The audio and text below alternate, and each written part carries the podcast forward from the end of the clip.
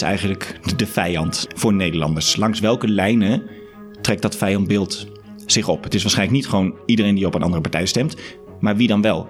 Waar is die spanning? Waar loopt die het hoogst uh, op?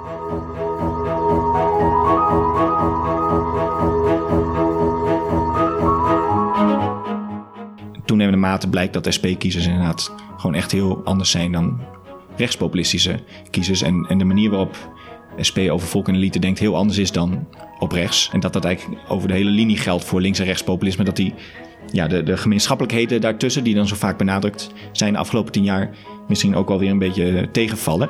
Dat homogene idee van wij zijn homogeen en de rest is een homogene groep. Dat zien we helemaal niet terug onder de SP-kiezers. En dat zien we heel sterk terug bij de rechtspopulistische kiezers.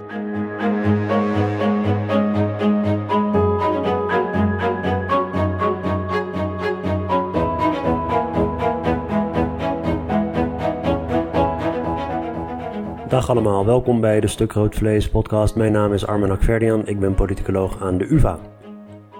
Volg ons via Twitter, het Stuk Rood Vlees. U kunt mij volgen via het Hakverdian of neem een kijkje op www.stukroodvlees.nl. Abonneren op deze podcast kan via allerlei podcast-apps en laat dan ook meteen een rating of een review achter. Mijn gast van vandaag is Ilko Hartenveld, universitair docent in de politicologie aan de UvA Ilko is bezig met een heel mooi onderzoeksproject naar politieke polarisatie in Nederland. En daar komt hij over vertellen. Afgelopen week had Ilko een stuk geschreven op het blog. waarin ook een grafiek stond. die, denk ik, de huidige Nederlandse politiek heel goed samenvat. Ik ben over het algemeen niet zo fan van grafiekjes in de trant van. All you need to know about X in één grafiek. Maar deze grafiek slaagt er wonderwel in om een hele turbulente periode in de Nederlandse politiek samen te vatten. Hij is gebaseerd op een hele simpele vraag. Je legt aan mensen een thermometer voor en vervolgens vraag je aan mensen: hier zijn een aantal groepen, een aantal maatschappelijke of politieke groepen. Heeft u daar koude of warme gevoelens bij op een schaal van 0 tot 100? En op basis van die verschillende scores die mensen aan verschillende groepen geven, krijg je een heel mooi beeld van de huidige politieke en maatschappelijke scheidslijnen. Populisme, fragmentatie, versplintering, economische en culturele scheidslijnen, alles zit in dat grafiekje. Ik zal uiteraard een linkje plaatsen naar het blog, dat u ook zelf rustig een kijkje kunt nemen. Maar het is wonderbaarlijk hoe inzichtelijk dat grafiekje is. Goed, u kunt Ilko volgen via uh, Twitter, Ilko Hartenveld. Hij blogt ook regelmatig op Stuk Rood Vlees, dus uh, zoek ook vooral op zijn naam op het uh, blog en u vindt meer van zijn werk. Veel plezier met Ilko Hartenveld.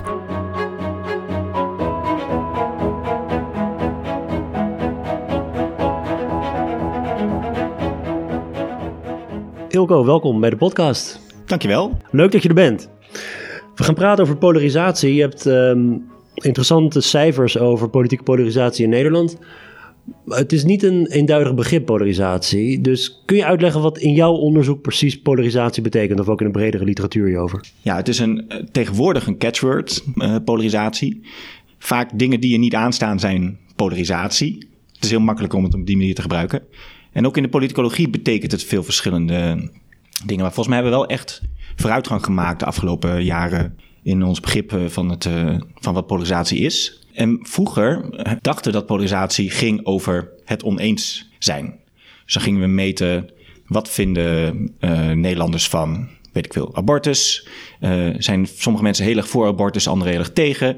Uh, sommigen heel erg voor immigratie, anderen heel erg tegen immigratie. Dan is er veel oneenigheid over een onderwerp en dan is er veel polarisatie. En dat is ook hoe het in Amerika meestal gemeten werd. Maar dat, dat veld bleef een beetje onbevredigend, omdat daar steeds uitbleek dat het wel meeviel met de polarisatie. Uh, in Amerika en in Europa eigenlijk. Omdat toch uiteindelijk heel veel mensen het uh, eens zijn over bepaalde... Of tenminste, die bevinden zich in ja. het midden. Ja, veel mensen bevinden zich in het midden. En veel, op veel onderwerpen gaan we ook naar het midden toe. Op veel onderwerpen. Leken we het meer eens te zijn dan vroeger.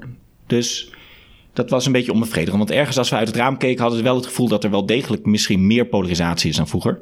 Uh, maar we zagen, je zag het dan niet in de cijfers. En een, belangrijke ontwikkeling in de Verenigde Staten de afgelopen tien jaar is om te zeggen: oké, dat is maar één vorm van polarisatie. De, de, de, de mate waarin we het oneens zijn over die verschillende onderwerpen. En dat wordt dan ideologische polarisatie genoemd tegenwoordig. Maar er is ook nog zoiets als affectieve polarisatie. En dat gaat over de vraag hoe denken we over onze medeburgers? Hoe positief of negatief staan we tegenover ze? En zo gauw Amerikanen dat begonnen te meten in de Verenigde Staten, schrokken zich dood. Want toen bleek dat er dus een enorme toename was in wantrouwen, eh, soms haat, stereotypering, discriminatie uh, en allerlei andere vormen van negatieve gevoelens tussen de Democraten en de Republikeinen onderling. Dus eigenlijk hadden ze al die jaren naar het verkeerde cijfertje zitten kijken en groeide de polarisatie op een andere manier dan ze, ja, dan ze, dan ze hadden, hadden bekeken. Dus die ideologische polarisatie, daarvan kun je zeggen dat zijn eigenlijk meningsverschillen Ja. over belangrijke onderwerpen. En dat is um, min of meer wat je verwacht in een democratie, behalve als het over Ja. iets heel triviaals gaat. Maar mensen hebben verschillende um, normen en waardepatronen, vinden verschillende dingen belangrijk en uiteindelijk zullen ze het ook gewoon oneens zijn. En dat kan er hard tegen, kan hard tegen hard gaan, maar dat Ja. is inhoudelijk. En meningsverschillen en conflict zijn de kern van democratie. Maar op het Ja. moment dat het meer die affectieve kant op gaat, dan wordt het verlammend. Want dan gaat het niet meer, laten we zeggen, om de inhoud, maar Ja. Meer om welk shirtje je aan hebt. Is dat een beetje de. Ja, ja dat, ben ik helemaal met je eens. Ehm, ik denk dat het verkeerd is om ideologische polarisatie. bijvoor- mensen bijvoorbeeld elkaar van ideologische polarisatie te beschuldigen. Alsof het verkeerd is om een extreme positie in te nemen of een andere positie in te nemen dan andere, eh, andere mensen in je samenleving. Om het flink te verschillen van mening. In Nederland voelt het als iets wat meteen een beetje ongemakkelijk is, hè, want we moeten dan weer polderen en het moet wel weer. eh, Achteraf moet je altijd een biertje kunnen drinken met Precies, elkaar. ja. Heet het dan. zo heet het dan. Maar uh, uiteindelijk is dat waar we de democratie voor hebben. Om precies daarom om te kunnen om te gaan met die meningsverschillen. En dat alle stemmen gehoord kunnen worden. Ook als uh, het een keer uh, flink knettert. Die affectieve polarisatie gaat inderdaad om wat jij noemt het shirtje aantrekken. Het is een beetje zoals je ten opzichte je kan verhouden tot een voetbalclub. Als jouw voetbalclub uh, het goed doet, ben je heel erg blij. En dat is enorm fijn voor je zelfvertrouwen en zelfbeeld. En ook als je politieke club het goed doet, is dat heel goed en fijn voor je zelfbeeld. Maar net als bij voetbalclubs kan het soms uitdraaien op hooliganisme. Dat je denkt, ja, die tegenpartij, ongeacht uh, uh, hoe ze het ook doen, ik ben gewoon tegen die club. Dat is ja. gewoon de outgroup, zoals dat heet in sociale psychologie. Je hebt, je hebt ook dat, dat vreemde fenomeen. Bij, bij sport zie je het natuurlijk voornamelijk. Dat je komt uit dezelfde buurt, je komt uit dezelfde stad, je komt uit hetzelfde land. Maar je introduceert iets triviaals als voor welk club je bent. En ja. meteen is dat een extreme ja. scheidslijn. Terwijl je het eigenlijk op alle andere fronten met elkaar eens bent. En ik heb het idee dat maar we kunnen straks praten over de Nederlandse situatie. Dat dat in de Amerikaanse situatie zo verlammend werkt. Is dat eigenlijk als jij een wereld kunt. Stel je kunt een wereld voorstellen zonder die label Republikeinen en Democraten. Bijvoorbeeld in het congres. En je zou eens gaan samenwerken op onder, onderwerpen. Over of dat nou over immigratie of belastingdienst of weet ik veel wat gaat. Dat je dan best bipartisan coalities zou kunnen smeden. om bepaalde wetten door te voeren. Ja. Maar zodra je die labels erop plakt is het over en uit. Hoewel je ja. best inhoudelijk met elkaar kunt, um, ja, compromissen kunt sluiten en, en nader kunt komen tot elkaar. Maken die shirtjes dat, dat ongemakkelijk. Ja. Want je wordt afgestraft op het moment dat jij wordt gezien met iemand van het andere, met, met een ander shirtje aan. Ja, dat kan echt niet. Ja, nou en dat, dat is inderdaad een van de mogelijke uitkomsten van affectieve polarisatie die te ver doorschiet. Is dat het, het democratisch systeem plat komt te liggen. En dat is precies wat jij beschrijft wat er in de Verenigde Staten gebeurt. Dus zelfs al zou er wetten zijn waar alle Amerikanen of de meeste Amerikanen het met elkaar over eens zijn, dan zouden daarvoor Democraten en Republikeinen moeten samenwerken. En samenwerken, dat doe je niet met de duivel, zou je kunnen zeggen. Dus als je maar negatief, negatief genoeg bent over die andere groep, dan wordt er op een gegeven moment de andere groep uh, dwars zitten een belangrijkere uitkomst dan bijvoorbeeld jouw standpunten vertegenwoordigd zien in een wet. Ja. En als je op die manier redeneert over politiek, over winnen at all costs, dan, dan, loopt, het, uh, dan loopt het al gauw spaak. En er zijn ook wel uh, van die experimenten heel, heel veelzeggend in de Verenigde Staten. Dat als je uh, rep republikeinen vraagt, zou je voor een wet zijn die het wapenbezit ietsje inperkt? er zijn veel republikeinen daar wel voor. Als je daar dan bij zegt dat de democraten met die wet zullen komen, of het ook met die wet eens zullen zijn, als je dat benadrukt, dan is bijna niemand meer voor zo'n wet. Want het zou betekenen dat de Democraten een punt scoren. En dat wil je niet, dat je tegenpartij een punt scoort. Ja. Het is altijd heel erg verleidelijk om te zeggen: ja, dat zijn die malle Amerikanen. Met hun Ja. gekke kiesstelsel en hun, en hun geschiedenis. En het is een outlier op allerlei, allerlei onderwerpen. Hoe zit dat met Europa en met name dan natuurlijk in de context van een meerpartijenstelsel, bijvoorbeeld Ja. het Nederlandse? Ja, nou dat is, dat is de grote vraag waar mijn huidige onderzoeksproject ook mee, ook mee begon. Dus ik maakte me ergens ook zorgen over die polarisatie. En ik vroeg me ook af hoe zit het met polarisatie in Nederland. En ik had het gevoel dat we daar soms eigenlijk heel weinig over konden zeggen. We hadden SCP-rapporten die lieten zien dat ook Nederlanders eh, op veel onderwerpen het meer eens zijn dan vroeger. Dus de conclusie was, oké, polarisatie neemt af in Nederland. Ik dacht, wat als we nou eens die, die nieuwe inzichten uit de Verenigde Staten ook meenemen naar Europa, naar een context zoals Nederland? Kunnen we dat daar ook toepassen? Dat idee van affectieve polarisatie? Kunnen we dat ook meten? Precies omdat, zoals jij zegt, de situatie heel anders is. Wat En- zijn je verwachtingen vooraf? Hoe dat anders zou kunnen zijn eh, in Nederland? Of hoe, Ja. hoe zorgt de, de, de context, de Nederlandse context ervoor dat je misschien andere resultaten krijgt dan de Amerikaanse? Nou, allereerst is het systeem veel gefragmenteerder. In Amerika zijn er twee smaken. Ruwweg, de Republikeinen en de Democraten. Dus het is heel overzichtelijk wie de in-group en wie de out-group is. In Nederland, als je, weet ik veel, een, een aanhanger bent van het CDA, zijn er een heleboel partijen waar je niet aanhanger van bent. Dat betekent niet dat je al die partijen, alle aanhangers van al die partijen evenveel niet ziet zitten. Dat is uit de Amerikaanse literatuur zou dan de verwachting zijn: oké, zolang gauw je een outgroup bent, zien we je niet zitten. Maar in Nederland is dat onwaarschijnlijk dat alle andere stemmers van op alle andere partijen evenveel gewantrouwd worden. Of, eh, dus daar zou, was mijn verwachting. Daar maakt het uit welke ideologische afstand er bestaat tussen kiezers. Dus ik verwachtte als kiezers verder weg staan van jou, heb je er minder mee. Op zich heel erg logisch. En een tweede verwachting was dat vooral afstand op culturele issues tot meer onderlinge eh, negativiteit leiden dan economische eh, issues. Dus dat was een eerste aanpassing die ik deed. En ten tweede was, dacht ik, ja, partijen zijn sowieso niet zo heel centraal in Nederland. Mensen identificeren niet, zich niet op dezelfde manier met een partij in Nederland als ze doen in Amerika. Dus de, de ander, politiek gezien, kan ook iemand zijn bijvoorbeeld die, weet ik wel, tegen immigranten is terwijl jij voor immigranten bent. En misschien stem jij de ene keer op de ene partij en de andere keer op de andere partij. Dat maakt dan niet zoveel uit. Het gaat om een meningsverschil over dat onderwerp immigratie. Dus ik dacht, we moeten ook metingen vinden. eh, het mogelijk maken om te bestuderen hoe mensen denken over ideologische outgroups.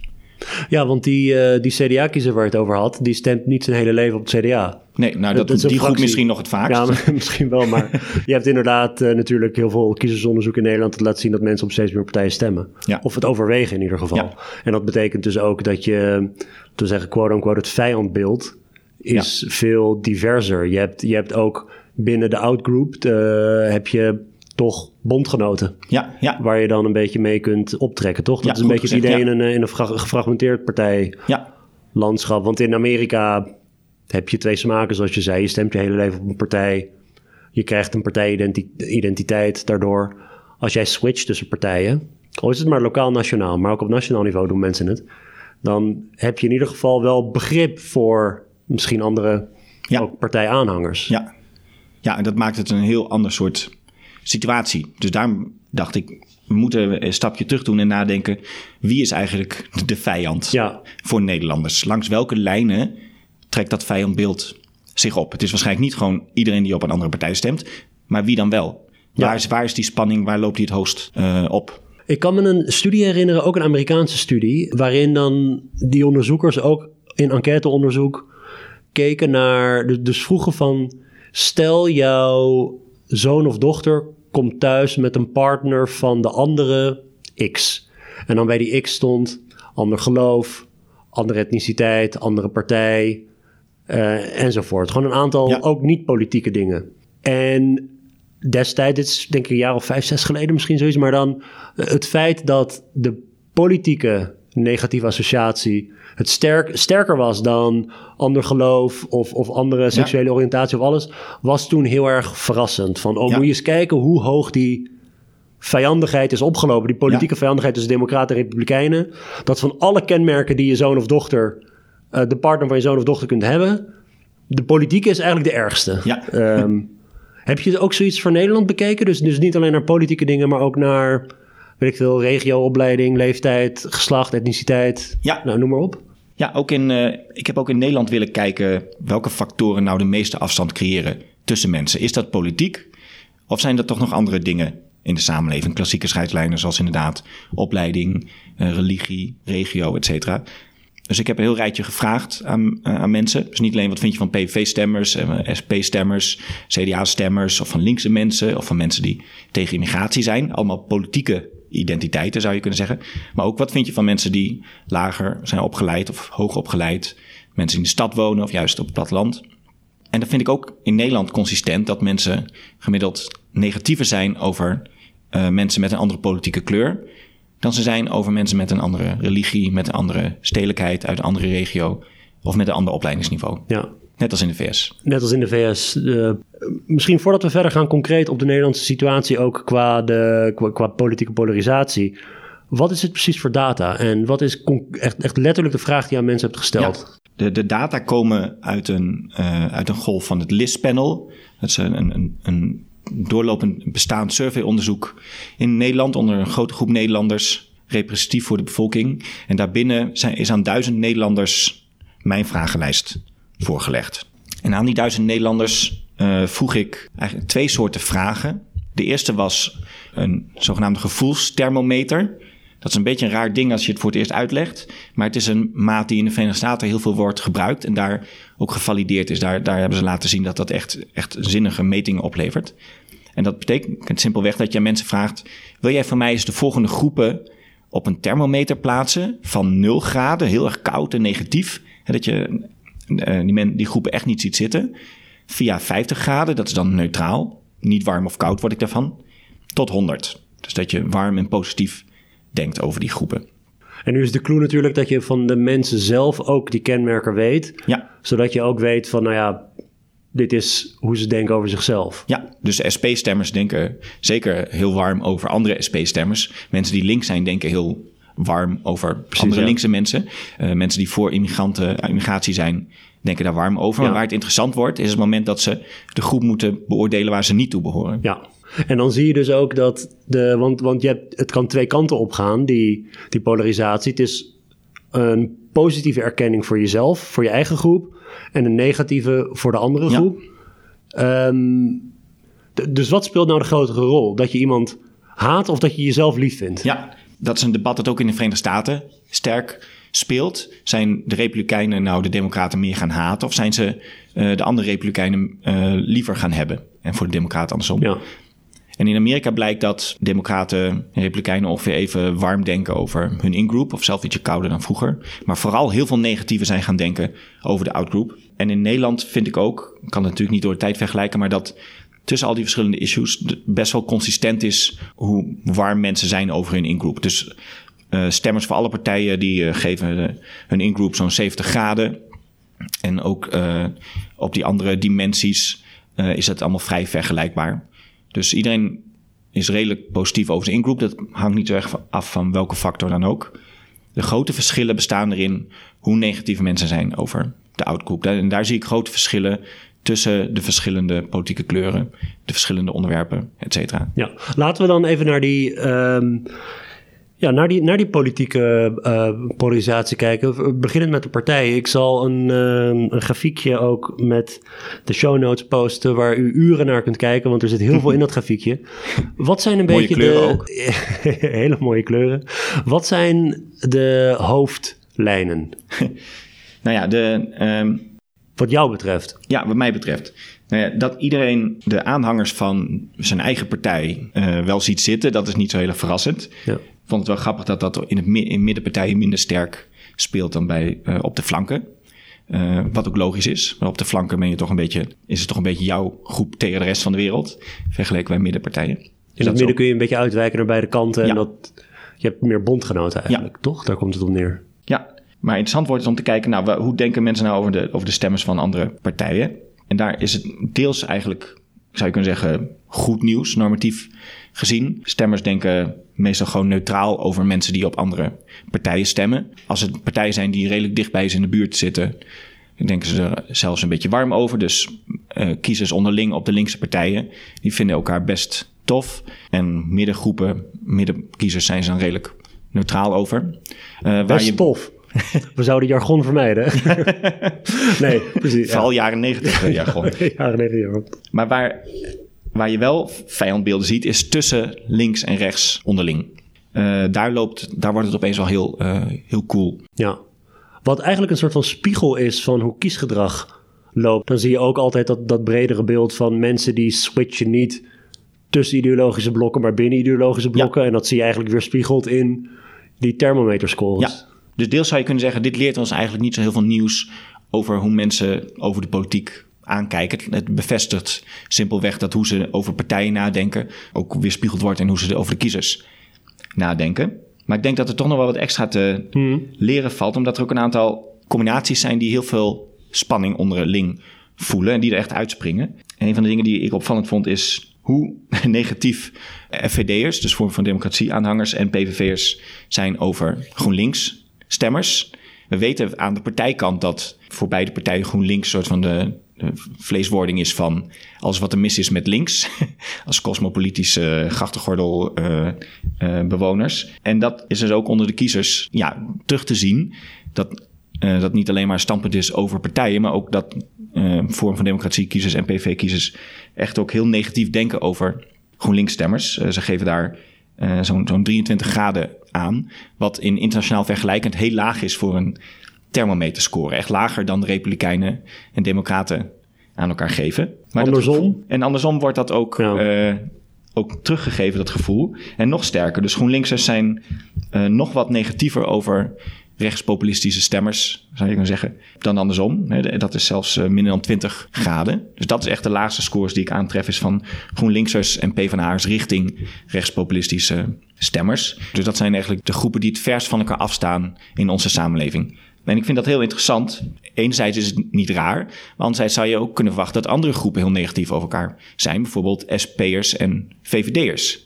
Daarvan zou je ook kunnen zeggen dat ze ideologische. Ja, je, je bent eigenlijk een beetje op zoek a priori naar wie zijn elkaars ideologische opponenten. Ja, en dan is het niet gek dat GroenLinks en weet ik veel, Forum eruit springen als, als groepen die elkaar niet mogen.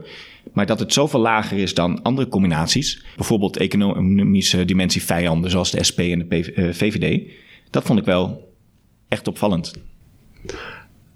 Jij gaf aan in je stuk dat zou te maken kunnen hebben met de aard van de meningsverschillen over cultureel-morele zaken ten opzichte van economische zaken. Ja. Toch dat het eigenlijk makkelijker is om compromissen te sluiten over economische onderwerpen. Je, je kunt een gemiddeld nemen met, met, met, met, met, met geld. Ja.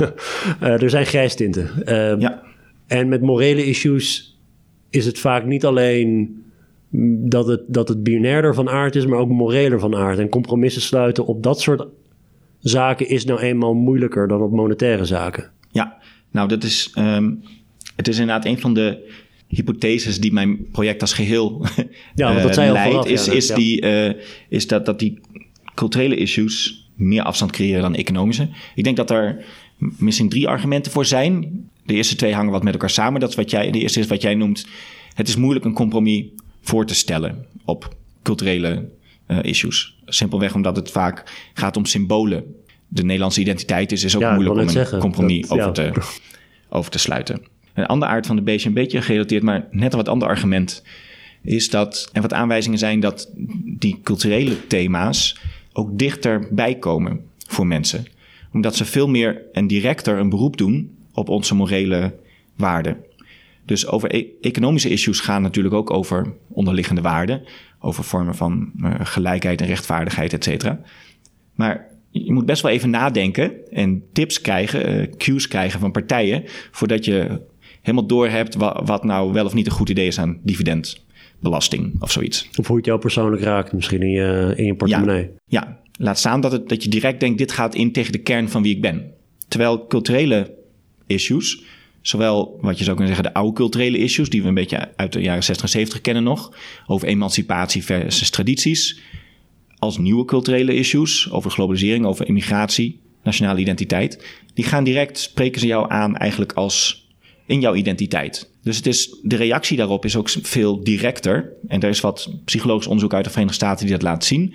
Dat de reacties uh, sterker en directer zijn op culturele issues, omdat ze dichter staan bij je morele, Ja. morele identiteit. Nou, dat is persoonlijker. Ja.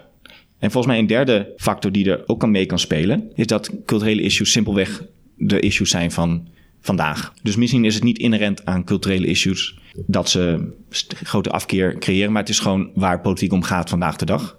Ik heb iets van vergelijkend onderzoek kunnen doen met items die allemaal niet zo heel goed zijn, maar daar leek het op dat in de jaren 70 misschien affectieve polarisatie ook al eens een keer net zo hoog was als tegenwoordig. Toen wa- was een deel van de discussie ook over culturele issues, maar was ook echt de economische dimensie nog veel centraler dan tegenwoordig.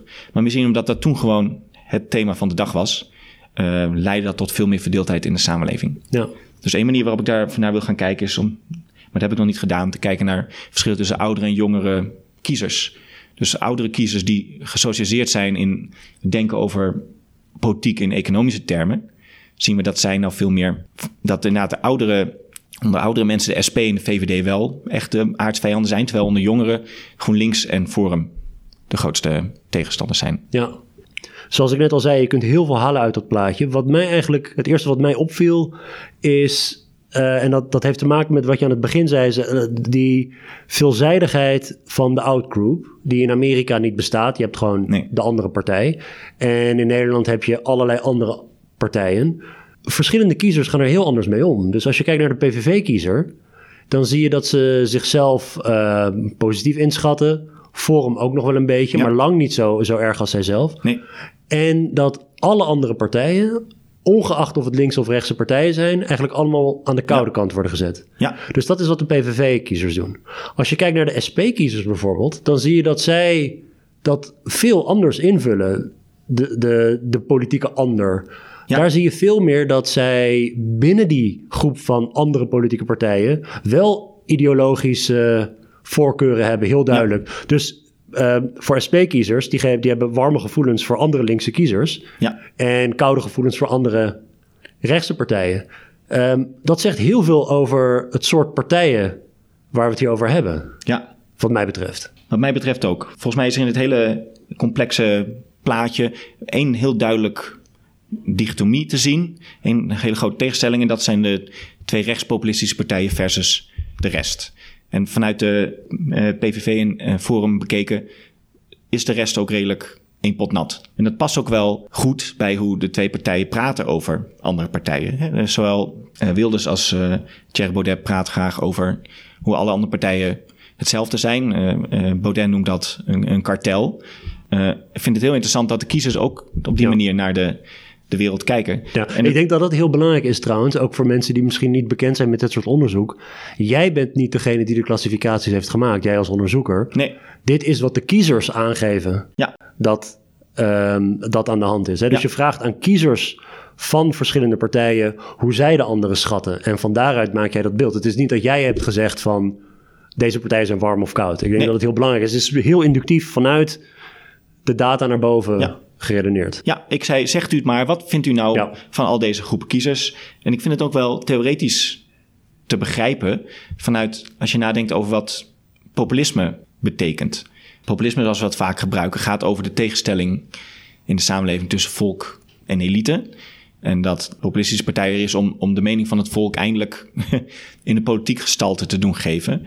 Eh, ook al willen al die bestaande elites in de politiek daar niet aan. Dus het heel centraal in, in dat idee van populisme is, is de morele tegenstelling tussen jou en de rest van de politiek. Het is een hele morele benadering van politiek als een, als een, als een strijd tussen, tussen goed en kwaad bijna. En dan doen de onderscheid tussen al die andere mainstream partijen er niet zoveel meer toe. Het is nou niet zozeer een ideologische strijd, van oh, met sommigen ben ik het meer eens dan met anderen. Nee, ze zijn allemaal onderdeel van hetzelfde kartel. En dat is, is denk ik heel goed begrijpen vanuit het populisme-concept. Dat de politiek gezien de outgroup gewoon alle anderen Ja, zijn tegelijkertijd. Ja, ik denk dat het vaak wordt vergeten als je bijvoorbeeld kijkt naar zo'n definitie van populisme, zoals bijvoorbeeld gangbaar is eh, in, in, in ons vakgebied. Cas Mullers definitie bijvoorbeeld en allerlei gerelateerde definities daaraan. Het gaat niet zozeer, eh, of het gaat niet alleen over volk tegenover elite of anti-elitisme en pro-volk, hoe je dat volk ook, ook invult. Maar dat die twee categorieën homogeen zijn. Ja, Dus dat je binnen die twee categorieën niet onderscheid maakt. precies. Ehm, en dat is wat je volgens mij heel mooi Ja. ziet hier. Het feit dat PVV-kiezers dezelfde thermometerscore geven aan VVD-stemmers als aan GroenLinks-stemmers als aan SP-stemmers, geeft aan dat zij geen onderscheid maken tussen die Ja. twee.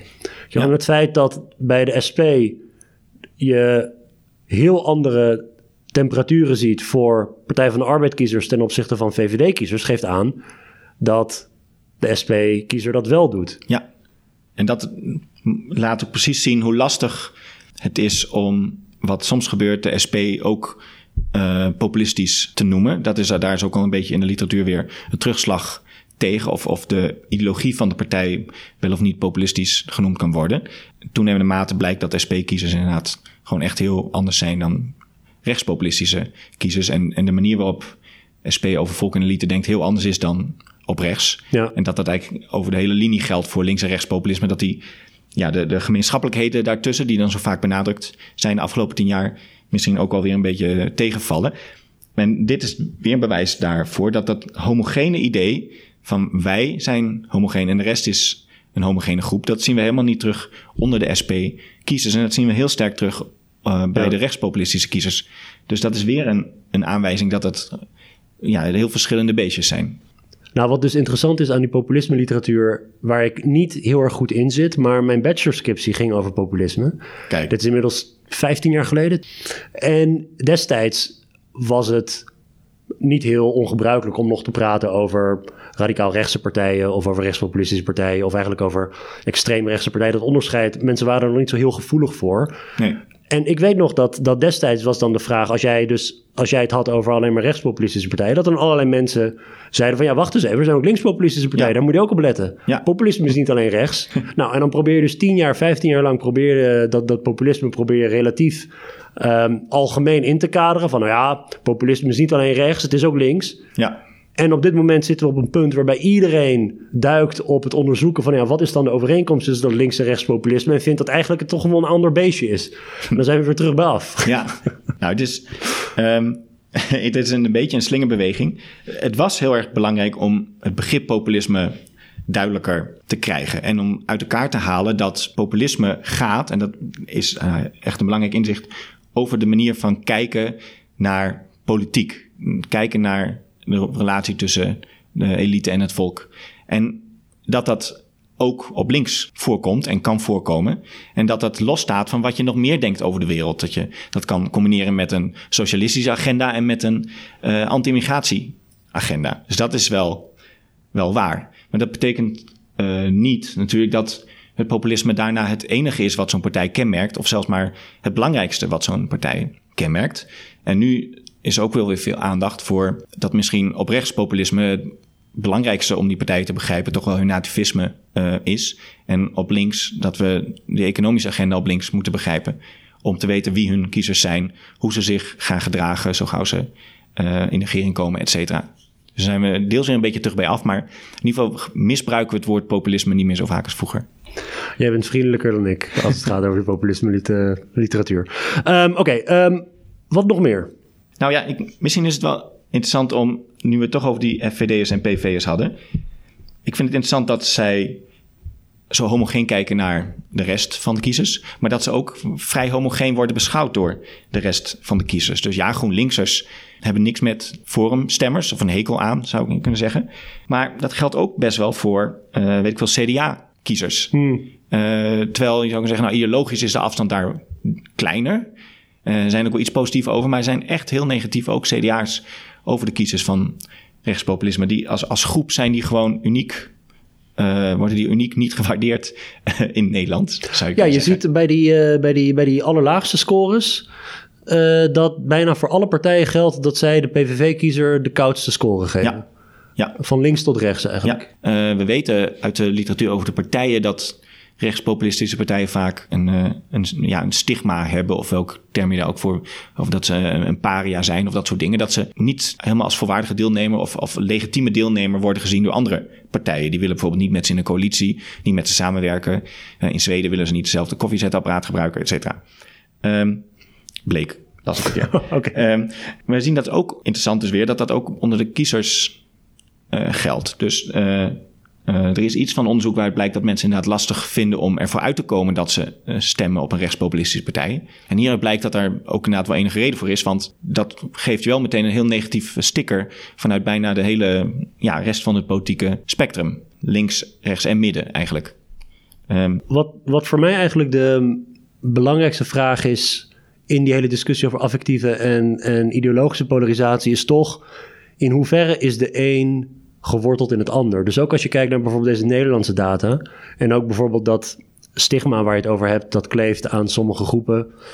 Waar komt dat vandaan? Dus is het een, is het, komt het door inhoudelijke tegenstellingen? Dus je kunt een partij, je kunt heel koude gevoelens hebben jegens iemand van een andere partij, omdat je elkaars ideologische opponenten bent en je een compleet andere ideale samenleving voor je ziet dan de ander. Of is het echt vanwege die labels? Ja. En is er een manier om dat te onderzoeken? Want je zou bijvoorbeeld. Hè, dus dus um, je hebt op een gegeven moment um, natuurlijk in je stuk ook over. Nou ja, als je op een verjaardag praat over politiek.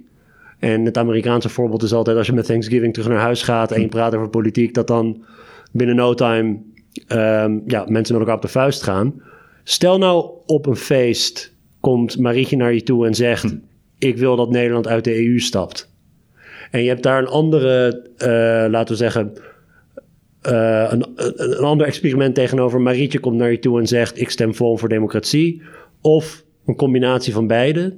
Is er een manier om te isoleren waar die koude gevoelens voor Marietje vandaan komen? Dat die inhoudelijk van aard zijn, wat ik persoonlijk niet zo heel erg vind. Of dat je het eigenlijk wel eens bent met Marietje, maar alleen vanwege het andere shirtje aan ja. ben je er tegen. Weet je hoe dat voor Nederland zit? Um, nou, het korte antwoord is, daar weten we heel weinig over hoe het in Nederland zit. Maar ik denk dat het cruciaal is om daarachter te komen. Want het is heel belangrijk voor, denk, wat mij betreft, voor de normatieve implicaties van of affectieve polarisatie een probleem is. Als die, die vijandbeelden een gevolg zijn van het feit dat het nu even flink knettert, te veel mensen het vaak oneens zijn met elkaar, dan, dan hoort het erbij. En dan is het misschien ook een manier om mensen bij de politiek te betrekken, uh, politiek interessant te maken, relevant te maken. Als het puur alleen maar over echte meningsverschillen gaat. Maar volgens mij kunnen we al vaststellen dat het niet alleen om echte meningsverschillen gaat. Simpelweg doordat we in de Verenigde Staten zien dat de twee trends de andere kant op gaan. Dus de meningsverschillen zijn afgenomen de laatste 20 jaar. En onderlinge hekel is toegenomen de afgelopen 20 jaar. Ook een beetje vergelijkende data die we hebben in Nederland, zien we dat de, de meningsverschillen over onderwerpen niet echt zijn toegenomen in Nederland over de laatste 20 jaar. Het gaat nu wel over wat andere onderwerpen dan vroeger, maar de afstanden zijn ongeveer even groot. Terwijl uh, affectieve polarisatie wel in Nederland lijkt te zijn toegekomen, genomen. Dus puur uh, ja, vanuit helikopter gezien gaat affectieve polarisatie over meer, komt het door meer dan alleen die daadwerkelijke meningsverschillen die we hebben. En dat is ook niet zo heel erg vreemd, want wat de sociale psychologie ons leert, is dat um, sociale identiteiten, die labeltjes die we hebben, die, die, die manier waarop we naar ons kijken als, weet ik wel, fan van een voetbalclub of van een politieke partij of um, van welke groepering dan ook, dat dat een heel eigen leven kan leiden. Ja, nee, zeker. Ja, zeker. Maar Wat, wat, mij, wat mij aan de Nederlandse situatie anders lijkt, is dat dat shirtje ja. Eh, veranderlijk is. Ja. En, en dat is ergens een, een prettige gedachte. Dat voor de meeste mensen denk ik dat je niet zo vastgeroest zit in een bepaalde politieke identiteit. Ook omdat politieke identiteit niet zo binair is in Nederland. Nou ja, het ligt aan hoe, we, hoe je het shirtje noemt. Dus als het shirtje is GroenLinks-stemmer, dan kan je dat shirtje de volgende keer vervangen door een PvdA-shirtje. Maar als jouw shirtje is: ik ben progressief of links, dan, ongeacht welke partij je daarbij kiest, kan het echt een langdurige, diepgevoelde, stabiele identiteit zijn. Manier van om naar jezelf te kijken. En hetzelfde natuurlijk geldt dan als mensen die zichzelf als conservatief zien of als, als rechts. En ik denk dat die identiteiten uh, wel degelijk stabiel kunnen zijn. Ja, nee, en, en heel veel vijandbeelden kunnen. En daarom denk ik ook dat ja, die partijen wel een nuttige ingang zijn om meer ervan te snappen. Maar het feit dat we niet zulke sterke partijidentiteiten hebben, garandeert niet dat we dan ook maar niet elkaar de tent uit kunnen vechten over politiek. Want die onderliggende ideologische identiteiten die we hebben, kunnen wel degelijk, denk ik, heel diep geworteld en stabiel zijn. En echt de wereld in een binnen- en een buitenkant, uh, in- en een outgroep uh, verdelen. Ja, maar ik, ik dus uh, de termen links en rechts, die, die, die zouden die rol kunnen overnemen als een soort van binaire links-rechts. Ja. Maar het is moeilijker, want bijvoorbeeld met links en rechts heb je natuurlijk dat die zo verschillend ingevuld kunnen worden door verschillende mensen en die, die begrippen zelf al zo veranderlijk zijn. Wat je bijvoorbeeld niet hebt met, met iets als Brexit. Nee. Want je oh, hebt gewoon, ja. je, daar heb je gewoon, je hebt, je hebt de een gestemd of het ander. Ja. En um, ik zei er net trouwens tot slot, ik wil, ik wil nog iets toevoegen. Uh, wat denk ik ook heel belangrijk is in het verhaal dat jij schetst, is dat zelfs wanneer we kijken naar de meest extreme hitteverschillen, laten we het zo zeggen, tussen Forum en GroenLinks, dat dat natuurlijk een hele kleine minderheid is van, van alle Nederlandse kiezers. Weet je ja. Dus als Forum en GroenLinks ons equivalent waren van Remain and Leave of Democraten-Republikeinen, dan zouden we in de situatie zitten als de Verenigde Staten. Maar ja. Um, je had op een gegeven moment ook zo'n grapje in een stuk geschreven dat, dat dat misschien op Twitter zo is. Want daar zijn, de, daar zijn diezelfde groepen hebben nog eens megafoons in hun handen. Maar dat voor um, de overgrote meerderheid natuurlijk van de Nederlandse kiezer niet op die twee partijen stemmen die elkaars ideologische aardsrivalen zijn. En hetzelfde geldt voor andere partijen die misschien elkaars ideologische aardsrivalen zijn. Dat die grijstinten, die zijn gewoon alom vertegenwoordigd in het Nederlandse partijlandschap. Ja, en dat is sowieso een, vind ik, een geweldige meerwaarde van ons stelsel. Om allerlei redenen. Maar ook denk ik inderdaad om de, dat het een klein beetje tegengas biedt tegen mogelijke affectieve polarisatie. Die grijstinten zijn er ook, zou je kunnen zeggen, in Amerika wel potentieel. Uh, zijn mensen, uh, een heleboel mensen. In de voorverkiezingen heb je de grijstinten. In de voorverkiezingen heb je de grijstinten. Maar, um, maar omdat er al decennia altijd verplicht de twee kampen op moeten worden geplakt. Waar ook uh, mensen kunnen zitten met wie je het helemaal oneens bent, of maar een klein beetje oneens, maakt niet uit. Dat die labels zo belangrijk zijn en dus hun eigen leven kunnen gaan leiden. Um, is de situatie in Amerika, denk ik, veel sterker uit de hand gelopen dan in Nederland, denk ik. Hè. Daarom wil ik dit onderzoek ook doen om erachter te komen hoe erg het nou daadwerkelijk is in Nederland. En daarom zou ik mijn glas half vol um, interpretatie van jou zou ik het ook helemaal mee eens uh, zijn. Het betekent niet dat het niet dieper kan worden nog, die, die tegenstellingen. Um, juist omdat ze de, de toename in affectieve polarisatie mogelijk losstaat van de daadwerkelijke oneenigheden, dus is het mogelijk dat er factoren in onze samenleving zijn, net als in de Verenigde Staten, die ons meer tegen elkaar opzetten. Um, je noemde net al de logica van sociale media, van het zelf in je kunnen kiezen welke informatie je tot je neemt. Dat geldt voor sociale media ook, maar ook uh, in het algemeen uh, online nieuws. Het is goed mogelijk dat we daardoor steeds minder in contact komen met denkbeelden en mensen die niet uh, het met ons eens zijn. En dat langzamerhand steeds makkelijker maakt om te denken dat die andere mensen echt gek zijn, vindt. Dus er zijn andere processen in de samenleving mogelijk die wel die tegenstellingen verdiepen. Ilko, heel erg bedankt. Graag gedaan. Mensen kunnen jou volgen op Twitter als ze willen. Ja. Het Ilko Hartenveld. Uh, of op uh, Stuk Rood Vlees. Daar heb je ook uh, vaak geschreven. En uh, mochten er nog andere dingen komen uit deze studie, blog erover. Want het is ontzettend boeiend. Zal ik doen. Hey, dankjewel. U bedankt voor het luisteren. En tot de volgende keer.